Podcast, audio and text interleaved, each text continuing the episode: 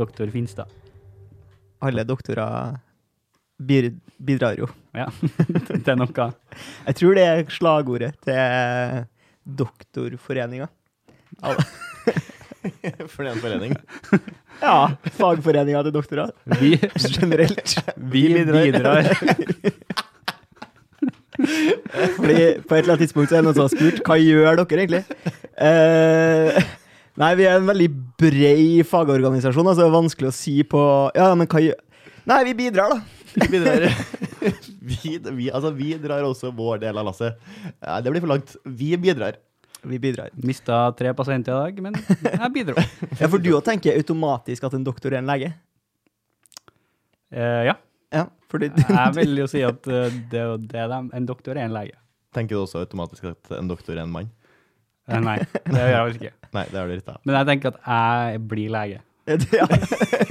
Det er derfor du skal bli doktorgradsstipendiat, og når jeg er ferdig, skal jeg jobbe på Ullevål sykehus, Ja, det har jeg tenkt. Jeg går jo for Ullevål sykehus og eh, gravplassen. Så jeg tenker at hvis jeg vil Ullevål sykehus, så kan jeg ta med de pasientene mine like tilbake til gravplassen etterpå. Ja. For hvis du tar en doktorgrad i eh, klima eh, og lignende, som det jo regner med du holder på med, Jørgen, Eh, ja, den, had- det hadde vel ikke blitt kalt det, men vi kan, vi kan kalle det det. Ja. En slags eh, samfunns, store samfunnsendringer. blir du da en slags lege som er spesialist i hetebølger? Ja. Tusen takk eh, for den lange vitsen. Jeg liker responsen. Jeg setter pris på det. Ja, vi har jo hatt eh, Vi har jo hatt noen podder nå. Ja. Hatt innom mye forskjellige folk. Og eh, egentlig, hver gang vi har hatt inn folk, så har vi liksom toucha innpå det her med eh, klimaendringer.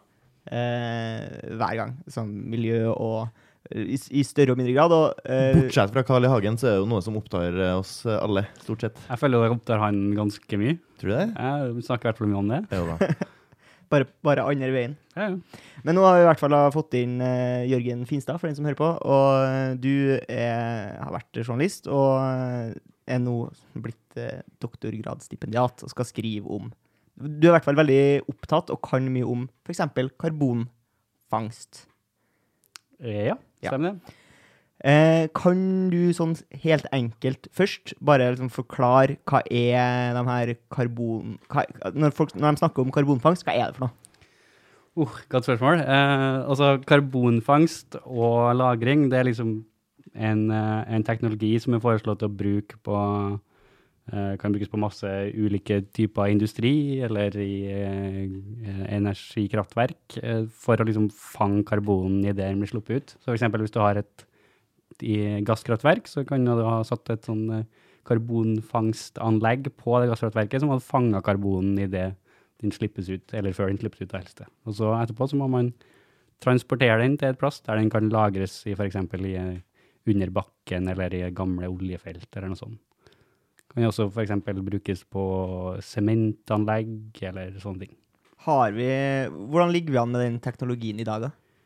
Det er jo også et veldig godt, uh, godt spørsmål. Sånn, uh, det er vel en sånn 19 uh, karbonfangstanlegg i verden, hvis jeg ikke husker helt feil. Eh, men de fleste av dem er liksom eh, Da snakker vi om i stor skala. De fleste, men de fleste av dem er liksom knytta til eh, det som kalles enhanced oil recovery på engelsk. Altså at de brukes til å spraye Du fanger karbon i det du liksom tar opp eh, oljen og gassen, og så bruk, sprayer du den ned i, i der du tar oljen fra, sånn at du får, får opp mer olje. Sånn, Sånn at Sånn, du ja. bruker karbonen til å liksom presse ut mer olje, sånn at du klarer å, å ta mer olje. Så tek teknologien finnes, men i eh, veldig sånn tidlig fase.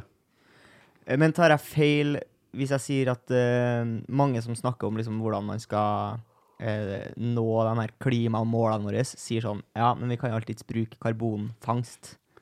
Er det sånn utopi?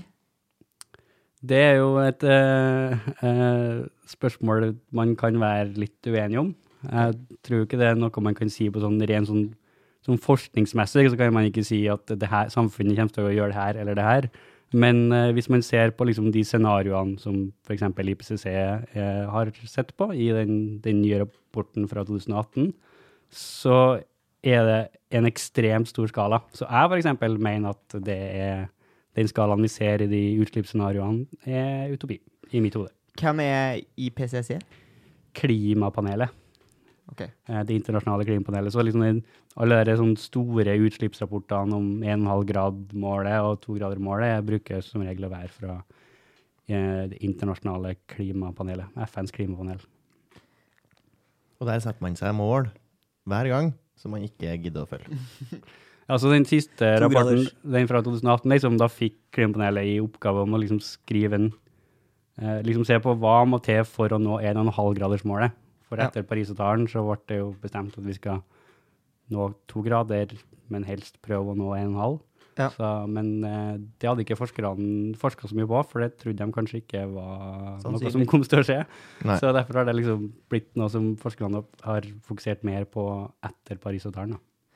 Men eh, vi snakka jo litt om uh, Greta Thunberg og at det ble en, en folkebevegelse. Det her husker jeg at vi snakka om uh, da det kom. Uh, for du, du var jo interessert i det her før Greta Thunberg. Du drev og tok en master i det. Var du en av første følgerne til Greta Thunberg på Instagram? Nei, jeg var ikke det. Jeg var jo egentlig litt Jeg syns egentlig det var litt rart. Ja. Jeg regner med at det altså litt, Jeg var litt sånn skeptisk. Jeg syns det er veldig rart at folk eh, valgte å lytte til ei 16 år gammel jente som jeg ikke hadde noe forhold til, i stedet for forskere som har sagt det samme i, i 30 år, liksom. Mm.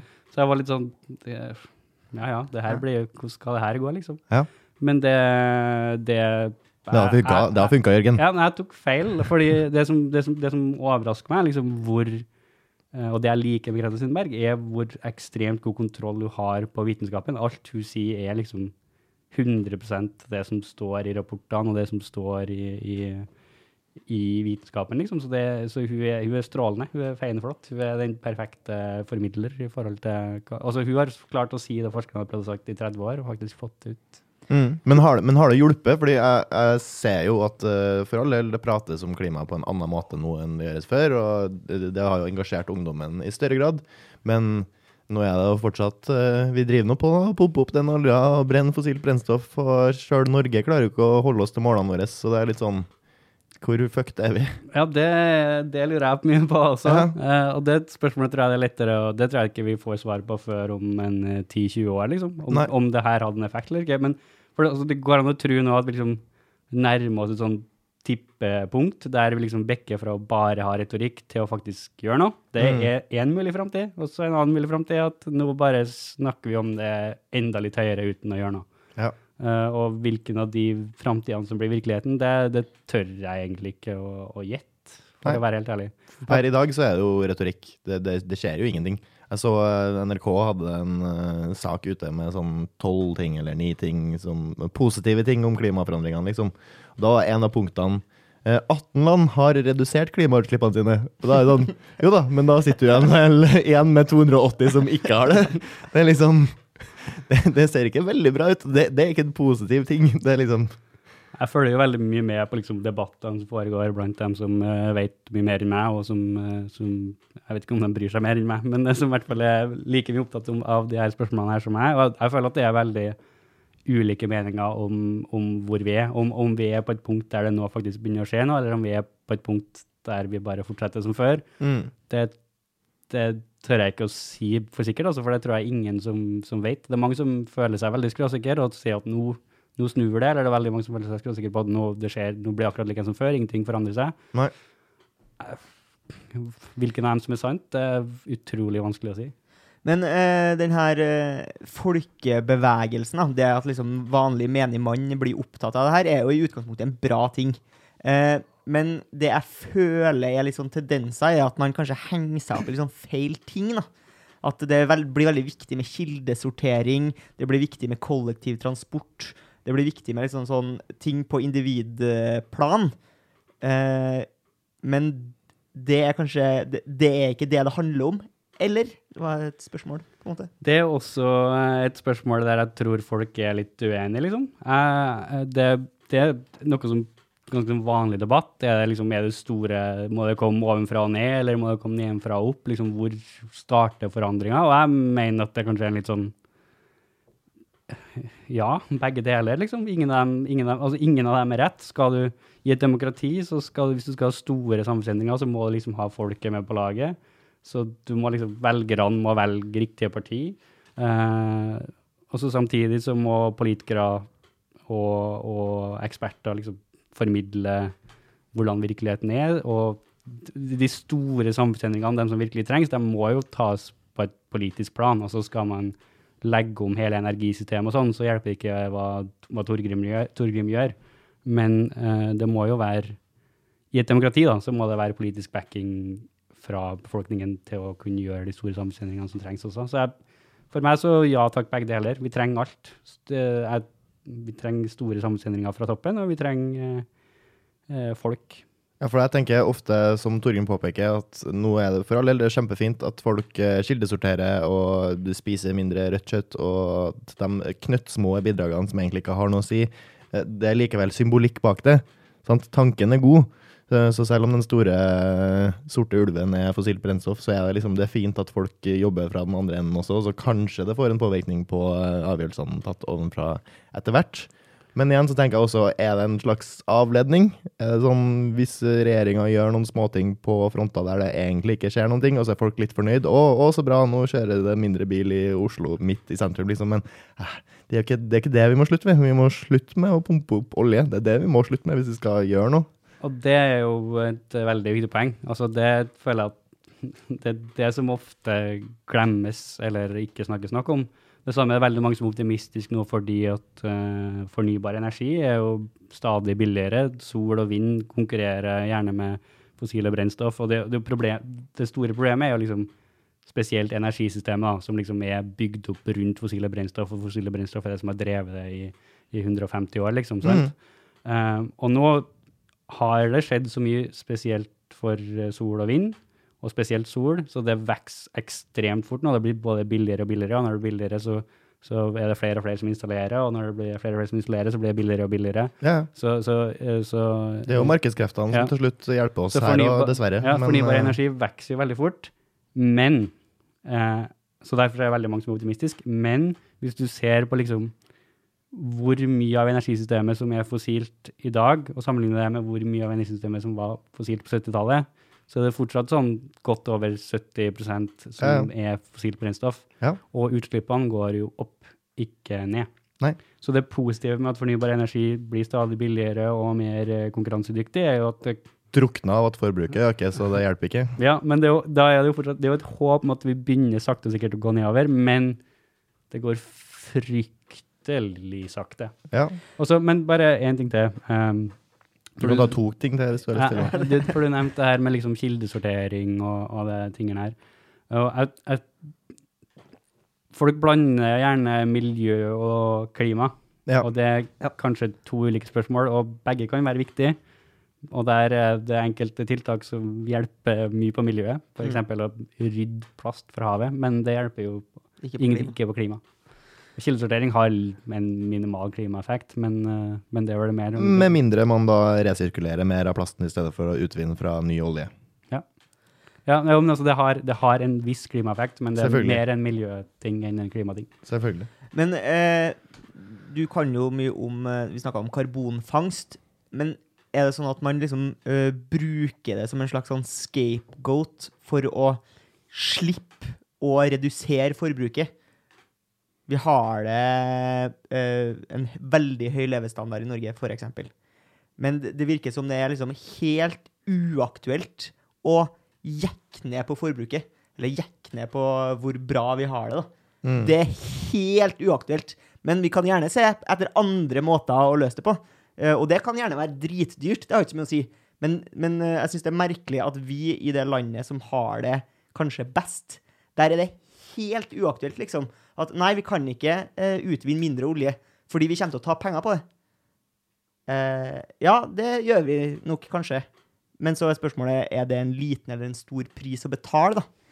Føler du at, eh, at man liksom bare pusher det her eh, Altså CO2-lagring? Pusher man det, liksom det foran seg? Bare sånn Ja, men se her. Se her hva vi kan gjøre. Er det en avledningsmanøver? Eh, jeg føler vel at for mange så det, brukes det litt sånn. At det er liksom sånn Det her er den eneste løsningen, f.eks. Det finnes ikke andre løsninger, så vi gidder ikke engang å se på effekten av å redusere forbruk. Uh, det er blant annet en av kritikkene mine av de her store utslippsmodellene som ser på hvordan vi kan nå 1,5-gradersmålet, er at det er ingen, alle, nesten alle av dem, det er bare noen få som ikke har karbonfangst eller eh, negative utslippsteknologier, som vi kanskje kan snakke litt om senere. Mm. Um, men det er ingen av dem som ser på effekten av å redusere konsum. Og Nei, jeg men- mener altså det, uh, det er ikke sikkert at det er noe lettere å få folk til å redusere konsumet enn det er å bygge karbonfangst, men vi må i hvert fall utforske effekten av, av begge deler. Um, men så tror jeg også det er mange som mener at vi faktisk må ha karbonfangst hvis vi skal klare å løse klimaproblemet. For sånn, hvis, Det, kan, det kan være en del av løsninga. Ja. Det kan være en del av den store pakken. Ja, og hvis du skal stanse klimaforandringene, altså hvis vi ikke snakker om at vi skal nå et bestemt mål, eller hvis du liksom skal slutte at eh, temperaturen øker, Mm. da må du ha null utslipp fra, null menneskelig utslipp. Altså netto null. Ja. Så vi kan, hvis vi skal slippe ut nå, så må vi eh, fjerne like mye som vi slipper ut. Ikke sant? Bare da vil temperaturen ha stabilisert seg, liksom. Ja. Eh, og da, hvis vi da fortsatt skal bruke eh, sement og betong og stål, så kan det fort hende at vi må ha karbonfangst. Så der eh, Jeg føler at karbonfangst for mange blir sett på som en sånn Det er fossilbransjens unnskyldning for å fortsette som de gjør. Mm. Og det kan godt eh, stemme på enkelte plan. Eh, men samtidig så tror jeg også det er en teknologi som faktisk er ganske viktig fordi at den kanskje kan gjøre noe med de utslippene som er veldig vanskelig å gjøre noe med ellers. Eh, det kan godt hende at det finnes andre løsninger, men per i dag så er det liksom en av de få liksom, teoretiske løsningene for å kvitte seg med noen av de liksom, virkelige vanskelige utslippene. Så selv, for selv om du bytter ut hele energisystemet med sol og vind, uh, hvis vi tenker oss at det er mulig, da. Jeg er ikke 100 overbevist om at det er veldig lett, i hvert fall ikke uten energi, altså batteri, mye bedre batteriteknologi. Men batteriteknologien utvikler seg jo i en Ja, ja. heidundrende fart, Ja. så det ser jo lovende ut også, også det. Det er derfor det er veldig vanskelig å Også si hva man- som skjer til slutt. Ikke sant? Altså Hvis man supplerer med atomkraft, så er vi jo der. Altså atomkraft, det, da er vi jo der. Det er en 60, år teknologi, 60 år gammel teknologi som funker som bare juling. liksom. Kan vi fornye det bitte litt, eller se, se hvordan det funker? for eksempel. Men selv om man klarer å fjerne alle utslipp fra energisektoren, så har man enkelte andre industrier som vi ikke har noe gode alternativ. F.eks. sement. Mm. Um, men nå altså, den store utfordringa akkurat i dag er vel fortsatt energisektoren, fordi at vi egentlig ikke har Vi har, vi har jo egentlig ikke prøvd ennå å virkelig ta utslippskutt. Nei. Det er bare sånn Det har Sol og vind har blitt billigere, så derfor så har det faktisk vært litt framskritt akkurat der. Men det ikke, vi har ikke virkelig prøvd med utslippskutt på Så global du- basis. Du mener ikke at det er tilstrek tilstrekkelig at Statoil har bytta navn til Equinor? Jo, nå, da er det løst. da er hele sånn, man, løst. sånn leser man ting. Ja, men altså, det Det er jo litt kanskje et resultat av at folk har blitt mer opptatt av det. At de tenker at ok, greit, vi er nødt til å profilere oss på en annen måte. Men er det litt øh, ulv i fåreklær-aktig stemning der? Altså Det som er greia med olje- og gasselskapene, er at de snakker veldig mye om eh, fornybar. De snakker veldig mye om, eh, om karbonfangst. Eh, Så gjør de veldig lite. Ja, Hvis man ser på liksom, investeringsbudsjettene til selskapene, så ser man jo at de fleste investerer langt mer i, i utforskning av olje og gass enn de gjør i f.eks. karbonfangst eller fornybar energi. Mm.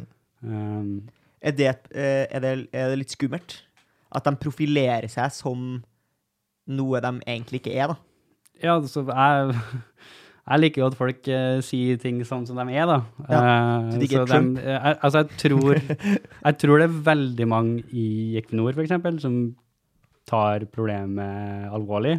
Men jeg, tror ikke, jeg syns ikke det vises i de overordnede aktivitetene til Equinor, da. Eh, For å ta, ta det som eksempel, siden du nevnte. Um, for det, altså Men kan du se for deg at selskap som driver med eh, ikke-fornybar energi, går over til å bli Ser du for deg i liksom horisonten at Equinor kan drive med lite olje og mye alternativ energi? Jeg tror det er mulig at enkelte oljeselskap kan eh, ta det skiftet, men da må de eh, være enda mer proaktive enn de, enn de er i dag. Men sånn som Equinor, de investerer jo faktisk De, ha, de gjør jo litt på f.eks. Uh, offshore vind og sånn, men det, det er Et spill for galleriet, Det- litt. det I dag er den fortsatt mer retorisk. Men jeg tror også skal olje og gass Hvis vi faktisk skal nå klimamålene, så må vi jo fase ut olje og gass. Ja. Eh, så da må ha dem Hvis vi antar at verden skal prøve å nå klimamålene, så må de enten forsvinne eller begynne med andre ting. Ja. Så enkelt er det. Altså, hvis vi skal nå klimamålene, så må utslippene fra olje og gass være enten null, eller så må vi fjerne like mye fra atmosfæren som vi slipper ut. Mm. Altså, så, enkelt er det, liksom. Ja. Ja, og- men, og det, kan jo, det trenger jo ikke nødvendigvis være ka- karbonfangst. Det, det kan jo være vedlikehold av mer skog og, eh, og mer alger i havet, liksom. Så har du, det, det er også en løsning på å fange inn mer CO2. Sant? Ta, Ja, ta vare på naturen, la den gjøre jobben for Altså, oss. når vi snakker om å suge eh, CO2 ut av atmosfæren, da snakker vi om det som gjerne kalles negative utslippsteknologier. Mm. Uh, og der har du en del eh, teoretiske forslag. Du har, eh, som du er inne på, at du kan plante mer skog. Du har eh, bio, altså du tar bioenergi, f.eks. du planter hva som helst, enten det er trær eller hva som helst av bio, biodrivstoff, liksom. Så, eller bio, biomasse. Jeg er vant til å snakke om det her på engelsk. Det er veldig rart å snakke om det på norsk. Eh, ta, masse, ta biomasse, og så forbrenner du det til energi. Og så fanger du karbon som den slipper ut. Sant? For når det er en busk eller et tre vokser, så suger den til seg karbonen. Og når du forbrenner det, så vil det vanligvis den karbonen bli sluppet ut igjen. Mm. Men hvis du fanger den karbonen da, med vanlig karbonfangstteknologi, som jeg snakka om, og putter den under jorda, så har over sitt livsløp så har den planten fanga mer CO2 enn den slipper ut i det forbrennede, forbrenner, fordi at du fanger CO2 om det blir forbrent. Så det er en Ja. måte. Andre, så er det mange en del eh, teoretiske muligheter, som at i, eh, er- mineralisering av havet og sånne ting. Og så har du noe som heter direct air capture, som rett og slett er maskiner som suger CO2 rett ut av lufta. Og det har du på sånn veldig små skala, så det finnes det sånn pilotprosjekt på det. Hva gjør de med den? da? Lagrer den, eller et slags eh, menneskelig skapt fotosyntese? Nei, Altså- du har ikke noe som lagrer den nå, men da må du lagre den på samme måte som du må med vanlig karbonfangst. Altså at du Ja. tar den, enten tar den i eh, rør eller i så store tankskip, kjører den eh, dit du skal lagre den, og så smekker den under jorda, f.eks. Mm. Eh, men problemet er at eh, i de utslippsscenarioene, de aller, aller fleste utslippsscenarioene som tar oss til 1,5 og to grader, som er målene i Parisavtalen, så gjøres det her i en sånn helt enorm skala. Så det, det vanligste å se liksom, utslippsscenarioene til klimapanelet er, er um, bioenergi med CCS, for det er den vi kanskje vet mest om, om liksom, hva den ville ha kosta og sånne ting. Mm. Uh, men problemet er at uh, i Problemet er at man mobiliserer jo ikke. Hvordan skal man få gjennomført Nei, det? Det er jo altfor grand. Men, ja, altså, problemet er skalaen, fordi at hvis du skal plante så mye bioenergi, så er det, da er det regna ut at det tar liksom like mye landjord som vi i dag bruker på å gro ris og Ja. korn og liksom alt, all, alle cereals. da. Ja. Uh, så det er helt enorm skala. Men jeg er ikke nødvendigvis mer optimistisk for, på at naturlige løsninger kan gjøre løsningen, eh, enn jeg er på at teknologiske løsninger kan stå for løsningen, fordi at ingen av dem klarer nok eh, alene. Mm. Jeg tror du må ha en blanding, men viktigst av alt så må du Lenge før du kommer dit, så må vi ha kraftig redusert utslippene på andre måter. Mm. Altså, det, det er ikke Det fins ikke en verden der vi klarer å suge så mye CO2 ut av atmosfæren at vi fortsatt kan ha høye utslipp. Nei. Det må, du må, først må du ha lave utslipp, og så kan du begynne å se på hvor mye du kan uh, fjerne fra atmosfæren.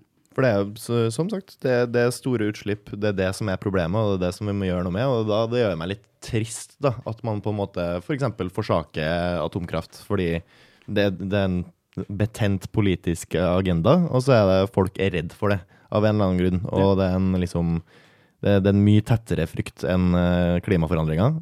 Fortsatt. Som er litt trist, for det, det er en reelt god løsning på energiproblemet. For vi, vi kommer til å konsumere mer energi. Det er liksom, skal, jeg tror det er mer som skal til for at vi skal slutte med det forbruket vi har av energi, enn det å slutte å bruke olje. Eh, Selv om det ser ut til å være et vanskelig, vanskelig problem. Men eh, det, det ergrer meg at folk er så anti-atomkraft når eh, løs, jeg føler løsninga er der, vi bare gidder ikke å bruke den. Altså, jeg vil ikke like eh, atomkraft, og jeg vil ikke like karbonfangst. For altså, atomkraft er at ja, du har enkelte sånn, avfallsstoffer som er vanskelig å håndtere, og sånn, så det er jo sånn langsiktige problem der også, men på, sånn teoretisk sett. Ja, ja. Og sammen med karbonfangst, det er liksom sånn stor teknologi, og du må bygge infrastruktur og lange rør. og Mm. liksom, hi- Hippien i meg liker ikke noen av de løsningene her. Nei. Men hvis vi skal gjøre noe med klimaendringene, så har vi ikke så veldig god tid. Nei. Og det er en ekstremt stor løsning, så jeg tror vi må ta alle løsningene vi har, og så må vi se på dem på en rasjonell måte, og så må vi egentlig bare gjøre litt av alt. Og da trenger vi sannsynligvis eh, masse atomkraft, og vi trenger sannsynligvis masse karbonfangst. For, uh, for meg, da, eh, som kan ganske lite om det her, eh, som jeg tror ganske mange kan ganske lite, da, eh, som kanskje er et, eh, et problem i seg sjøl, så syns jeg jo det å stikke det under bakken høres litt sånn piss i buksa ut. Når det gjelder både atomkraft og, eh, og, og lagre CO2 under Det er utrolig lite avfall. da. Hvis du samler altså, avfallet fra atomkraftverk, så er det, veldig lite. Uh, altså, Fysisk. veldig lite fysisk, sant? så da er det ikke et så stort problem. Og i, i, vi har mer enn nok plass til å lagre den på i ganske mange tusen år. liksom sånn... eh, hvis du ser for deg et eh, vilt scenario der hele verden lever kun på atomkraft, så har vi mer enn nok plass å lagre den på, og i løpet av den tida vi har lagra den på, så kan vi kanskje finne en løsning på å eventuelt shippe det ut. Og når det gjelder karbonen, så var det jo gjerne under bakken den eh, Lå lå, fra før. vi pumpa den opp og brant den, sånn at vi kunne eh, kjøre rundt i to tonn med stål fordi vi ikke kan jo gå lenger. Det kan du si. Men uh, tror du en del av Nå har du jo, vi har jo snakka litt om den her bevegelsen, og at folk er engasjert i miljøet. Uh, men åpenbart da kanskje ikke nok. Altså, uh, hvis, man, hvis alle hadde vært like bekymra som du er, da. Jeg vet at du sitter oppe om nettene og rugger, så Så hadde man på en måte krevd kanskje enda større endringer høyere oppe. Men er problemet at det blir for abstrakt? At det, det er snakk om noe veldig stort. Det er snakk om eh, folk snakker om liksom noen få endringer i temperaturen, altså få grader. Det høres liksom lite dramatisk ut. Eh, Det er snakk om mye tid. Og det forventer vi at folk som liksom kjører rundt eh, og ser på Snapchat mens de kjører, de skal synes at det er skummelt. Når man, altså, vi er veldig dårlige på eh, risikokalkulering, egentlig. Mm. Mange kjører uten bilbelte. Hva er gevinsten med å kjøre uten bilbelte? Ja, det er jo litt digg, da. Det er jo digg å ikke trenge å ta det på, liksom. Digg å slippe. Det er gevinsten, som er veldig liten. Hva er the downfall? Jo, det er eh, døden. Og det er snakk Og da, det, det er liksom et personlig spørsmål. Når vi ikke engang klarer å risikere og vurdere sånne ting, hvordan forventer man at man skal klare å gjøre det med det store? Ja, det, det er veldig godt, eh, godt spørsmål. Jeg, jeg tror for eh, folk flest i hermetegn, så tror jeg kanskje det, det er litt av grunnen. At det liksom det er noe man har hørt litt om og lest noe i overskrift om her og der i løpet av de siste 30-40 årene, men det er ikke noe mer enn det. Du glemmer det, liksom. Det blir sett på som ett problem blant alle andre problemene. Eh, eller også bare ja, glemmer man det. Altså, det er vanskelig å liksom skjønne hva det betyr. Eh, og siden liksom utslippskildene våre er, det liksom, de er så knytta til det økonomiske systemet vårt og til energisystemet vårt, så er det liksom Selv om det Vi kanskje ser på det bare som et sånn et problem blant alle andre, så er det liksom et problem som henger sammen med alt. Mm. Hvis du skal løse det problemet her, så må du liksom, når du tenker økonomipolitikk, økonomisk politikk, så må du tenke klima. Hvis du skal tenke energipolitikk, så må du tenke klima. Hvis du skal tenke transportpolitikk, så må du tenke klima. Hvis du skal tenke industripolitikk, så må du tenke klima. Det er eneste måten at vi faktisk kan gjøre noe med det her. Og da er det jo et problem, som du sier, at det, det er så abstrakt. Altså det ja, To grader, hva er, hva er det, da? Ikke sant? Idealisten i meg er også eh, tidvis litt bekymra, og så tidvis sier jeg, eller stort sett sier jeg jo faen, jeg bor i Norge, jeg klarer meg. Det går bra med meg. Jeg har enda ikke sympati for den eh, 1,7 milliarder inderne som eventuelt må evakuere landet hvis det blir lagt i brakk av klimaforandringene. sant? Jeg, jeg bryr meg ikke om dem enda. Eh, Hvis det inntreffer, og alle står på grensa og prøver å komme seg inn, da blir det selvfølgelig en del av min hverdag også, men inntil da så er jeg litt sånn, ja ja. Eh, På samme måte som jeg ikke Jeg klarer ikke å ha så mye empati eh, for masse forskjellige ulykker som skjer rundt omkring i verden. Det er for fjernt. Men det her er jo også et Det blir jo også et økonomisk problem i Norge. Selv om vi jo er for all del isolert og har masse penger å gå på, så vil jo klimaforandringene bli dyrt for oss også. Det som kanskje er det, det som kanskje er interessant for Norge, er at det kan bli et økonomisk problem eh, på kort sikt hvis verden faktisk begynner å gjøre noe med Hvis verden mye å ta klimaforandringene på alvor. Eh, for da vil eh, gass, olje- og gassforbruket vil gå ned i Europa, som er vår hovedkunde. Så sånn økonomisk sett, i første omgang, det for de neste 20-30 årene, så tror jeg liksom at folk begynner å ta problemet på alvor, er et økonomisk problem for Norge. Også Ja, men vi, det vi tjener jo nok penger på å forvalte de pengene vi allerede har. Det er jo det Ja. vi har inntektene, kildene våre på. Vi, vi, jo, vi kjøper jo aksjer, det er det vi holder på med. Jeg er selvfølgelig helt enig. Aksjespekulanter. Det er jo ikke de eh, pengene vi får inn av eh, det råe salget av olje. Det er jo det, det, er jo det gamle salget av olje vi tjener penger på. Ja. Eh, Så får vi eventuelt, eventuelt, eventuelt investere i nye teknologier som vi kan tjene penger på Våpen, f.eks. Krig er jo Det tjener vi jo fortsatt penger på. Kongsberg-gruppen det går jo bra. Strålende.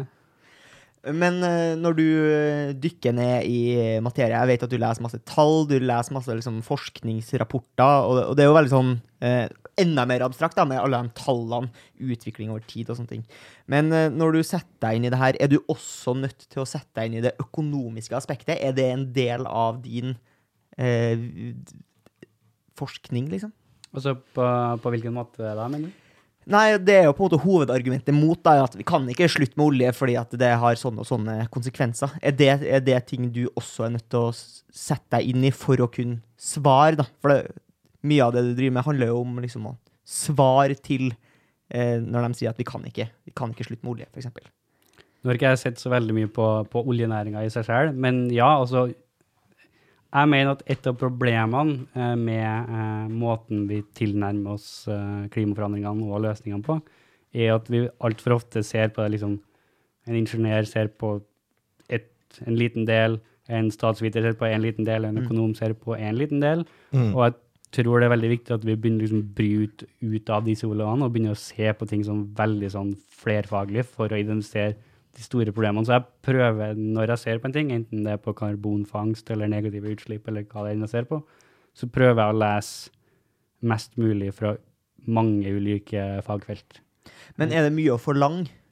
Ja, det er det. At man skal være ekspert på alt? Ja, Liksom? det går jo ikke an. Nei. Eh, og det, Fordi ikke, ikke bare så må ekspertene være eksperter på det, men folk flest må ta det inn over seg og lære det dem òg, før at man skal begynne å stemme rundt det. Og det tror jeg også er litt av problemet med å liksom prøve å finne de riktige løsningene. da. For hvis en statsviter sitter og tenker ut det her kan gå, så kanskje en ingeniør har allerede funnet ut at det er noe som ikke går an, og så kanskje en økonom har sett på at eh, det, det beste økonomiske løsningen er faktisk å, å kutte her, mens en, eh, en eh, biolog vet at det ikke funker der, f.eks. Så det er derfor det er, det er veldig komplisert, i og med at det er et sånn så sånt stort spørsmål som liksom knytter seg sammen med alt, så, så er det veldig vanskelig å være ekspert på hva man kan gjøre. Og i Mm. og med at mange av de største usikkerhetene fremover er liksom hva gjør samfunnet? Hva, j- vil, hva skjer med innovasjon? Hvordan skjer teknologiutviklinga? Hvor mange kroner billigere blir det å fange karbon? Hvor mange kroner billigere blir det å produsere eh, eh, eh, sol, solpaneler? Hvor, hvor mye folk er villige til å investere? Hvor, eh, hvor villig er velgere til å velge partier som vil ta mer radikale endringer? Altså det, de virkelig store usikkerhetene stammer jo i hva vi som kollektiv gjør. Mm. Og den som har levd i verden de siste 10-20 årene og liksom Se for deg at du satt i, to, i 2000 da, og skulle liksom se for deg hva som kommer til å skje de neste 20 årene. Da. Donald Trump blir president, og, og Storbritannia ryker ut uh, og tar, tar første vei ut fra EU. Det, det, det, det er veldig vanskelig. Det er ganske sjukt. Imperialistene forsvant fra Ja, Europa. eh, absolutt. Du har jo bakgrunn som journalist, eh, og det at eh, kunnskapen skal ut til folket på en sånn anvendelig måte. Eh, er vi gode der? Nei, det, det syns jeg ikke. ikke. I det hele tatt. Altså I hvert fall på sånn 90-tallet og tidlig 2000-tall så følte jeg at eh, Nå snakker jeg mest om Da var jo ikke jeg så, så altfor gammel, men jeg føler at liksom klimaforandringene handla om isbjørner. Ja. Um, og, ja. Men eh, brannene i Australia handler jo om koalaen. Det gjør de. Det er de som Det er det folk bryr seg om. liksom. Å, herregud, alle dyrene, liksom. Ja, det, det er jo faktisk litt sant, da, for det, det er litt rart. For det virker jo ikke som isbjørnene funka liksom ikke, men koalaen er kanskje søt nok til at folk eh, tar det på alvor. Jeg har masse empati for de isbjørnene også, altså. Ja, det har det. I mange år. Ja, ja, ja. Folk har brydd seg om isbjørnene. Og stakkars isbjørnene. Stakkars de selmorderne som er oppe her. Det er så synd på dem. Ser de med rød er rundt kjeften etter Ja, at de er har tygd Det er ikke så søt når er med blod rundt i trynet. Jeg er for lite sympati for stygge dyr. altså. Ja, det er det. Det er veldig lite Mulddyrene er jo ikke forplantningsdyktige. Mens, mens koalaene også er visst noen sånn drittdyr. de er, driver og voldtar og banker hverandre i hytt og pine. Ja, gjør de det? Ja, ja. Skikkelig drittdyr, så vidt jeg har eh, forstått. Ja, de har fortjent den eh, brannen, faktisk. Ja, de har det. Det, det er ikke utseendet som avgjør om det hvordan du er inni. det det? Ja, det Ikke sku eh, hunden på hårene. Altså. Mm. Koalaen på pelsen. Ikke sku koalaen på pelsen. Men ja, jeg tror absolutt det er liksom Det har ikke blitt kommunisert godt nok både hvor stort problemet er, hvor vanskelig det er å løse, og liksom hva, hva som kan skje. da. Ja, jeg føler at det er vanskelig å gjøre å simplifisere det nok til at det ikke blir banalt, men at folk skal forstå. Eh, og hvis man på en måte tilnærmer seg det, så er det veldig fort gjort at noen går ut og kaller det for skremselspropaganda. Eh, og at det også er et problem, da. Jeg sliter jo med at sjøl det økonomiske argumentet funker ikke. Fordi det er liksom det som alltid har drevet oss eh, mer, sterkere, mer penger, større, mer effektivt, bra. Mer økonomi, blir større, bedre. Og så har du enkelte som eventuelt eh, er for at vi skal fortsette med olja, fordi man mener det er økonomisk eh, vinning for Norge, og det er bra. Men så er det sånn jo, eh, jeg skjønner argumentet ditt. Også hvis du er en person som gir faen i alt annet i hele, hele verden, og det er kun penger du tenker på, selv om det eneste motivasjonen din i livet er penger, og at Norge skal få mer penger, så er det jo fortsatt en veldig stor risikofaktor i hva denne klimaproblemene vil gjøre med økonomien til Norge. Det kan fort hende at eh, klimaproblemene sørger for at vi taper mye mer penger enn vi tjener på å pumpe ut eh, den olja nå de eh, kommende årene. Det, er liksom, det kan godt hende at det faktisk er økonomisk forsvarlig for oss å drite i olja, bare for å prøve å hindre klimaforandringene. At det er en bedre investering å slutte med enn det å fortsette med. Altså, man, selv om man kun tenker økonomi, så er det fortsatt bedre å slutte med olje. Kan hende. altså hvis man eh, lar klimaforandringene Hvis man lar utslippene fortsette på altså, x evig tid, da, til, til, til det ikke er noe mer, Mm. da vil det selvfølgelig koste langt mer å bare la det gå, enn hvis man gjør noe med det. Altså, Ja. det, det, det er ikke noe tvil om. Men som sagt, største inntektene i Norge er jo forvaltning av eh, fondet vårt. Det er de desidert største inntektene til Norge, og det er avhengig av en global økonomi som vokser. En global økonomi vokser ikke hvis alle i alle kanter av resten av verden sliter med absolutt alt. Men er det Jeg føler at det er veldig fort gjort at når man tenker klima, eh, så er det veldig fort gjort å bli konspiratorisk. Sant? Du begynner å tenke liksom storpolitikk, og kanskje ting som befinner seg over politikken, til og med. Store selskaper som er eh, globale og liksom Høgla Ja, Ja. og gjør hva faen de vil. Er det eh, legitimt å være konspiratorisk? eh, Om hva? Eh, hva, er, hva er teorien? Nei, teorien er jo at, uh, at uh, man kan gjøre hva man vil, da, men at eh, noen poli... Altså noen sånne globale selskaper ligger over eh, nasjonal politikk, da. Og også kanskje global politikk. Jeg vet ikke om det er så veldig konspiratorisk. Altså at, at, at store selskaper har, Har politiske interesser. har politisk makt og interesser, det, det, er, jo, det er jo given. Eh, Men eh, at eh, Jeg vet ikke helt om jeg skjønner spørsmålet. Nei, altså Se for deg da at uh, den folkebevegelsen blir enda større, og folk bare sånn Ja, eh, at man velger inn norske politiske partier som i enda større grad tar hensyn til klima, da. Klimapolitikk. Vil det da klare å gjøre noe med eh, de store selskapene som liksom Shell og Equinor og Ja, det tror jeg. Altså, man kan eh, Staten har, har evna til å både introdusere skatter og avgifter og, og begrensninger, og, så det er absolutt muligheter for å gjøre ting politisk. Det, det er ikke noe tvil om. Jeg tror det polit, politiske virkemidler vil være vel... Eller spesielt utviklinga av eh, gode policies, altså gode politiske tiltak, det tror jeg er nøkkelen. Hvis du skulle være konspiratorisk, så må du heller dra i den veien om at kanskje Greta Thunberg også er et resultat uh, av den andre sida.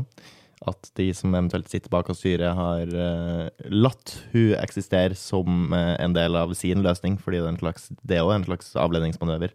At ja, nå alle backer Greta Thunberg, og wow, ja, nå virker det som vi er en bevegelse, men Men det er jo fortsatt ingenting som skjer. Kanskje det er bare noe de eh, tillater oss. Da snakker vi konspirasjon. Det er veldig, veldig konspirasjon.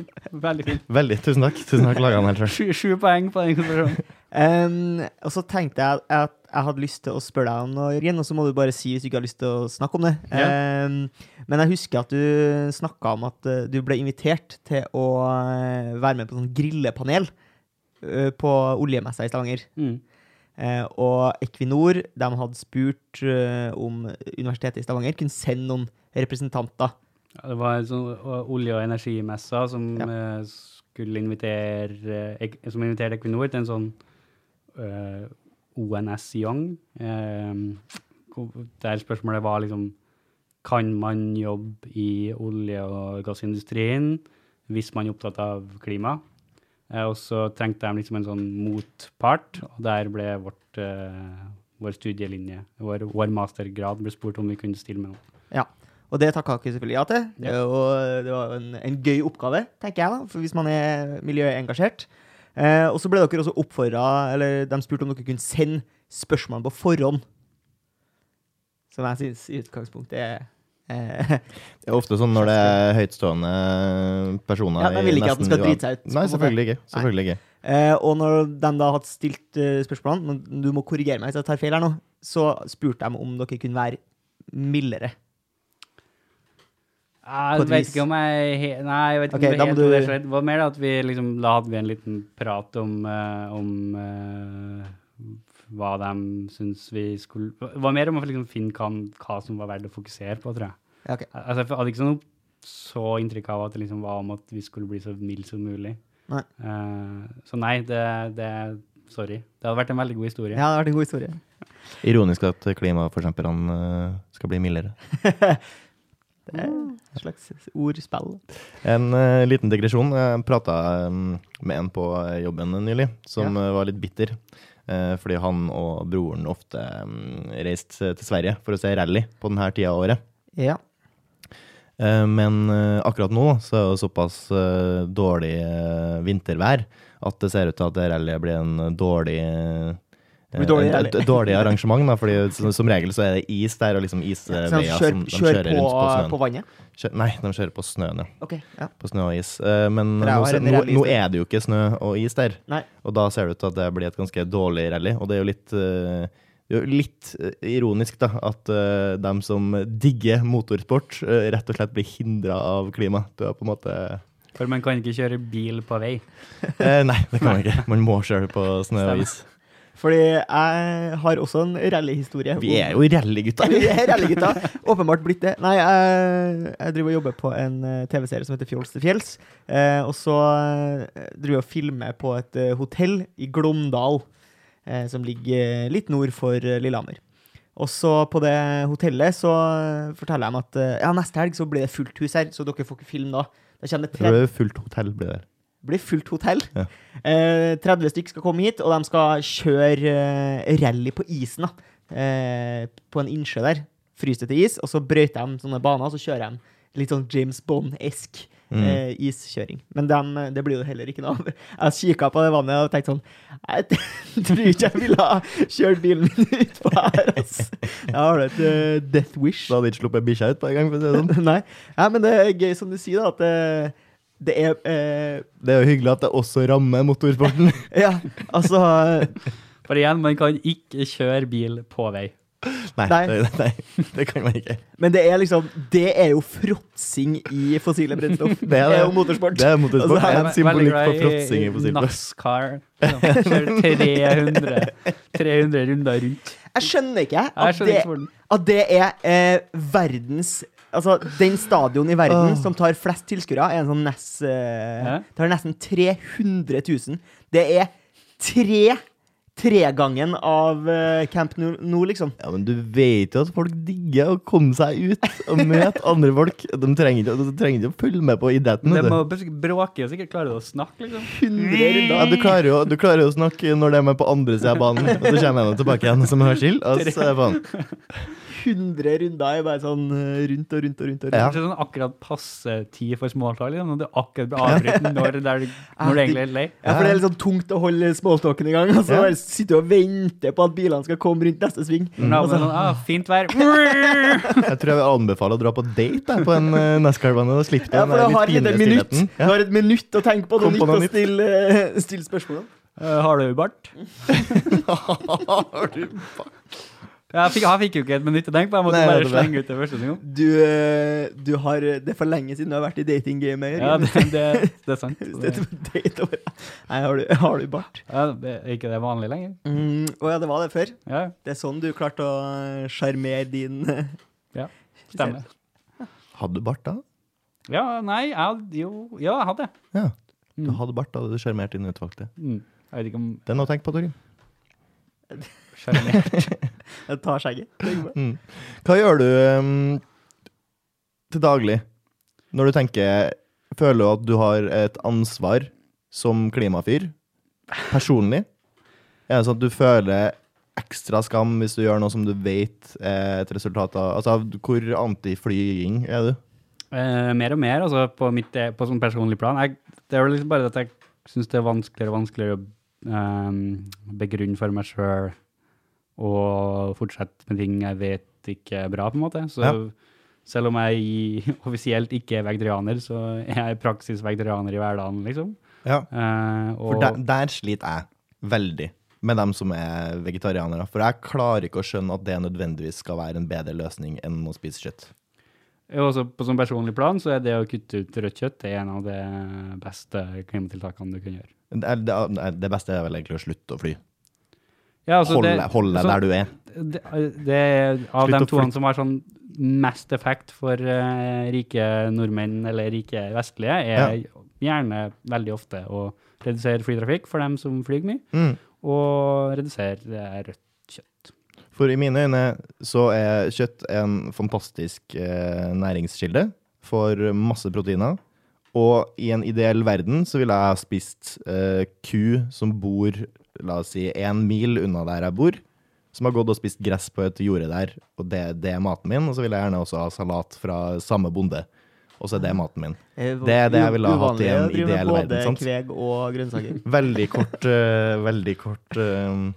Kortreist. Det, det, det er kortreist. Kortreist og eh, energieffektivt, da. Fordi kjøtt er jo en veldig bra næringskilde, i motsetning til soyabønner, som jo egentlig ikke er det. Og soyabønner må man gro nå så himla store mengder av, og man må frakte langt før det eventuelt blir mat til oss her i Norge.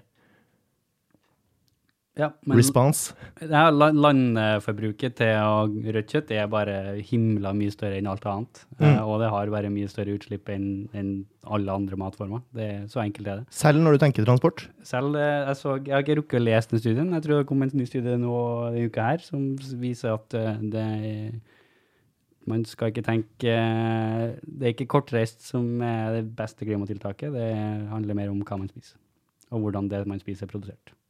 Ja, og hvordan det er produsert. For nå har jeg har jo et eh, lite håp til den der tanga de drev og dytter i kua for at den skal ha mindre utslipp. Eh, og så håper jeg jo at man med tida også kan eh, produsere kjøtt på måter som er, som er gode. Fordi som sagt, jeg klarer ikke å ta inn over meg at, det, at jeg skal spise dritmye soyabønner som er flydd fra andre sida av verden, at det er liksom Det er svaret. Skal jeg finne noen studier til deg, og så Ja, skal det. jeg sende dem til deg. Fordi problemet mitt med transportstudier er at da stort sett så regner man bare utslippet av det som kommer ut av eksospotter når man kjører kjøttet. Nei, hvis, også hvis man ser på livstidsutslipp fra liksom grønnsaker og også andre kjøtttyper, og gris eller, eh, Ja, eller tenker kylling, så er det mindre enn forutsett. Særlig hvis du tenker fullskala på transporten, Ja, på det fossile Så- så brennstoffet som er brukt om- til å transportere det. ja, nå snakker jeg om livstidsutslipp fra liksom A til Å. Ok, Og da regner man da det brennstoffet som er i båten, som da blir forbrent av båten, som slippes ut av båten. Og da regner man også ut transporten av det fossile brennstoffet til båten, og også da uh, forbrenninga av uh, bensinen i helikopteret som har frakta oljearbeiderne ut på oljeplattformen, og så tatt opp det fossile brennstoffet, og så frakta det fossile brennstoffet til båten, og så forbrent det. Har man regna hele Altså, syklusen? For det høres altfor komplekst ut til at det går hvis du går ut sjøl og så skyter den kua, og gjør liksom alt sjøl på én meter unna der du bor, så da vet jeg ikke om kanskje stemmer for akkurat den kua. Nei. Det tør jeg ikke si. Nei. Jeg har ikke lest så mye om, eh, om, eh, om matproduksjon, men sånn det store bildet Ja. og kutt rødt kjøtt er et eh, godt individuelt tiltak. Så kan man jo spise geit, som er bedre enn ku. Og geit kan jo spise eh, mat plasser der man ikke kan gro soyabønner. Det er også noe man kan gjøre. Geit er stalltipset. Ja, men det er jo mye, mye sånne småløsninger som ikke blir tatt av ukjente årsaker. Det er bare det er ikke tradisjon for å spise geit i Norge, så da spiser vi ikke noe mye. Og også sau også. Vi spiser jo kun sau én gang i året, og det er når vi skal koke en Men det har veldig kål. mye sau på lager, da. Masse sau på lager. Gris òg? Eller var det mest sau? Jeg var kanskje mest sau. Men eh, et eh, problem eh, En ting som jeg syns er problematisk, er at hvis man er gjerne en litt større personlighet, da, som går ut uh, og bruker sin eh, eh, PR-gravitasjon til, til å si sånn eh, eh, Ja, eller opplyse om eh, klimakampen, da. Eh, da er vi jævlig glad i å ta dem i å være hyklere. Ja. Det syns jeg er veldig problematisk, fordi at eh, Greta Trunberg reiser rundt. Hvis hun hadde tatt en flyreise, så er jeg fortsatt Du er jo en del av problemet! Ja, men faen, hvor mange, ikke har, hvor mange flyreiser har ikke hun forhindra? Ja, Ja, for det, altså, fordi om jeg velger å prøve å fly mindre og spise kjøtt, så mener jeg ikke at det, det er ikke et krav for å jobbe for mindre utslipp, eller for å jobbe for et bedre miljø, eller bedre klima, er ikke at du slutter å bo i samfunnet, liksom. Nei. Det, så det, det er ikke, man kan være opptatt av klima, og fortsatt må ta en flyreise. Jeg syns det er veldig hyggelig at Greta Thunberg bruker den seilbåten sin, men for min del så kunne hun godt ha flydd. Men det er jo god PR, da.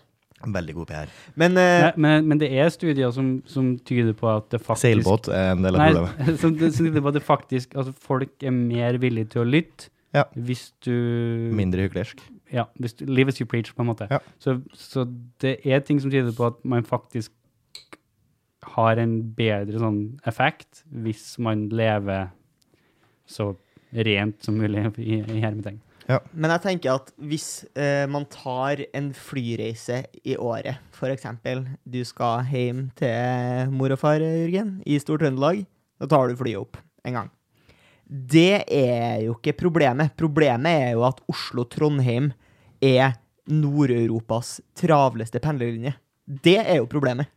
Så det at du tar fly én gang Ja, det er klart at hvis alle tar mindre fly, det er jo kjempebra, liksom. Men dagpendlere da er vi egentlig tilbake igjen på store selskap, da. Altså, altså så er vi tilbake på det et av første tingene du spurte om, om det liksom er individuell uh, action eller uh, kollektiv uh, sånn stor top down, liksom.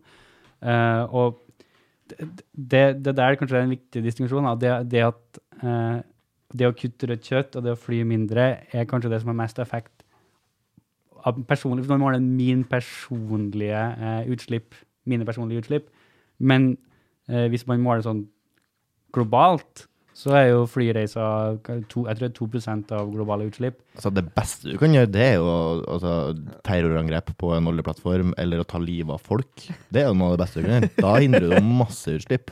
Så helt sånn rent personlig så er jo det, det er jo et kjempetiltak. Jeg vil bare opplyse om at Jørgen fikk litt angst i ansiktet. Men det, det jeg skulle si, da, var at uh, for eksempel det å kjøre masse bil Altså det å kjøre bil har ikke like mye individuell det altså, Hvis jeg maler mine egne utslipp, så har nok ikke det like stor, grad, like eh, stor effekt. Men globalt sett så er det et eh, veldig stort problem. Ja, Eh, Men er det langtransporten, først og fremst? Eller eh, har man klart å segregere personbilbruken? eh, man kan, det fins liksom, man kan se utslippene fra ulike, ulike kilder, men det har, jeg har ikke i hodet, nei, for å si det sånn. Men altså, alle utslipp er utslipp. Nå skal jeg komme med en veldig sånn liten vitenskap, veldig lite vitenskapelig utspill her. Fordi setningen starter med 'jeg leste på internett en gang'. Ja. Eller jeg har hørt en plass. At uh, internett uh, har større utslipp enn eh, all verdens flytransport. Altså alt det som internett har ført med seg etter at vi fikk internett på 90-tallet. Ja. Sum av det er større enn all verdens flytransport. Det høres ut som bullshit. Det er et veldig rart regnestykke. Jeg lurer på hvordan man har Nei. kommet fram til. For alternativet hadde jo da eventuelt ikke vært internett, men noe annet. Ja, OK. Jeg tror ikke samfunnet hadde stoppa hvis vi ikke hadde funnet opp internett. Det er jo bare noe annet, eller så hadde vi måttet transportere Ja. informasjon eller Men det var flytte en oss på en annen tid før internett.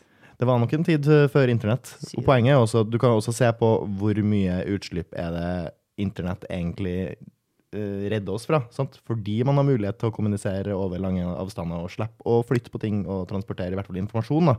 Kan man jo flytte noe via litt strøm, som i utgangspunktet også egentlig kunne ha vært 100, eh, Lys. 100% atomkraft eller eh, sol og vindmøller, men sånn er det jo ikke. Så jeg tror ikke internett er bad guyen her. Jeg tør ikke uttale meg, men jeg kan sjekke det ut. Ja. Syns du det var interessant?